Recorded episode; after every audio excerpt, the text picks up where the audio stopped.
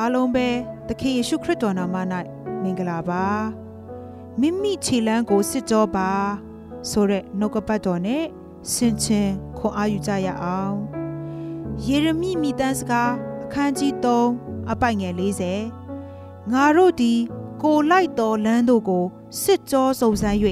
ထာဝရဘုရားထံတော်သို့ပြန်သွားကြကုန်အံ့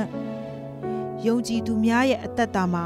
နေ့စဉ်မိမိခြေလမ်းတိုင်းကို နှုတ်ကပတ်တော်အားဖြင့်စစ်ကြောဖို့အတွက်လိုအပ်ပါတယ်မိမိသွားတော်လမ်းဟာဖျားသခင်အလိုတော်ရှိတော်လမ်းဖြစ်သည်မဖြစ်သည်ကိုသိဖို့လိုပါတယ်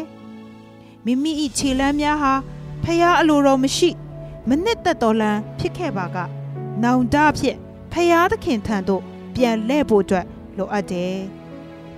အသက်တာထဲမှာလက်တွေ့ဆုံးဖြတ်ချက်ချရအောင်ကျမတို့၏ နေ့စဉ်ခြေလမ်းတိုင်းကိုနှုတ်ကပတ်တော်အားဖြင့်စစ်ကြော၍ခြေလမ်းများမားနေပါက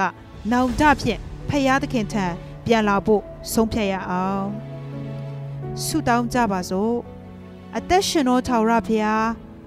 ကျမတို့ရဲ့ဆွေမျိုးတွေရဲ့အသက်တာမှာလမ်းလွဲတော်သူများရှိပါတယ်သူတို့၏အသက်တာမှာလမ်းမှန်ကို ပြသတွင်တင်တော်မူပါမေတ္တာရှင်ဘုရားသခင်